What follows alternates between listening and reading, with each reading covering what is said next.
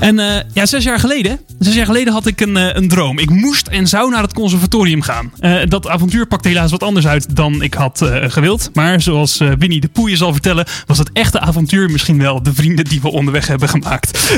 Aan de telefoon heb ik Lia Rai, in het dagelijks leven bekend als Lisa Rietveld. Lisa, goedemiddag. Hey, hallo. Hey, voor de Goeie introductie. ja, dank je. Hey, voor de mensen die je uh, niet kennen, uh, wie ben je, waar kom je vandaan en, en wat doe je? nou, ik woon in Haarlem nu, maar ik woon hier nu sinds zeven jaar, denk ik. En ik schrijf liedjes, basically. onder de naam Lia Rai breng ik die uit. Ja, en je hebt hiervoor natuurlijk ook al als Lisa en de Lumberjacks heb je wat, wat dingen gedaan. Vanwaar de, mm -hmm. de artiestennaamverandering?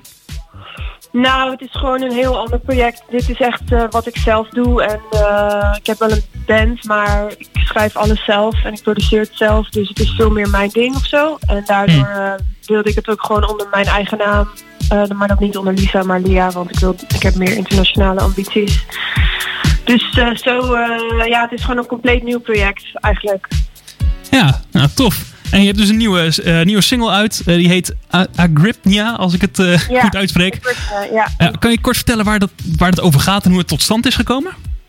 Um, ja, nou het gaat, het gaat over slapeloosheid eigenlijk, waar ik veel last van heb. En ehm, toen we in de eerste lockdown terechtkwamen toen... En, en Mark Rutte de eerste keer die persconferentie had gegeven... dacht ik echt van, wat is dit voor sikke film waar we in zitten met uh, de hamsterdagen en uh, die hele, die hele mikmak. Dus ik schreef dit nummer eigenlijk vrij snel, omdat ik gewoon ja, mijn hoofd wilde kalmeren, zeg maar. Mm. En uh, toen was eigenlijk het idee ook om het meteen te releasen, maar we, ja, er, er was wat zakelijk waardoor het is uitgesteld.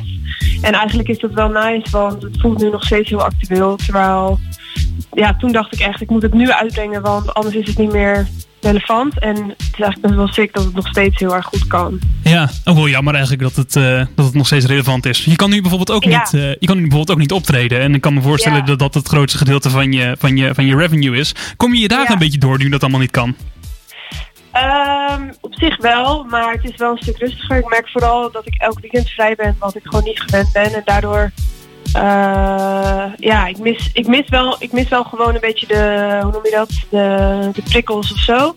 En het Hmm. gevoel dat je echt eh, stappen zet, wat nu gewoon gekker is. Je, je krijgt alleen maar, zoals gisteren ook, komt zo'n single uit en normaal bij gigs krijg je ook live eh, die engagement. En nu krijg je het allemaal door je telefoon. En natuurlijk krijg je wel veel goede reacties, maar ik weet niet, het is moeilijker te meten of zo waar je bent of zoiets. En Ja, ik snap dat wel, ja. ja, het- ik merk dat met Drive, tenminste, hij is nu aardig terug, maar het is ook wel een paar maanden geweest dat ik echt even iets anders ben gaan doen. Omdat ik gewoon dacht, oké, ik, ik, ik kan niet. Ik, kan, ik zit stil en ik kan er zelf niks aan doen. En dat is heel vervelend. Ja, Dus Maar- dan, eh, ja. nou ja, goed. Volgend jaar komt dus je, je debuutalbum eh, alsnog uit. Ehm, ja. wat zijn Ja, daarna je plannen?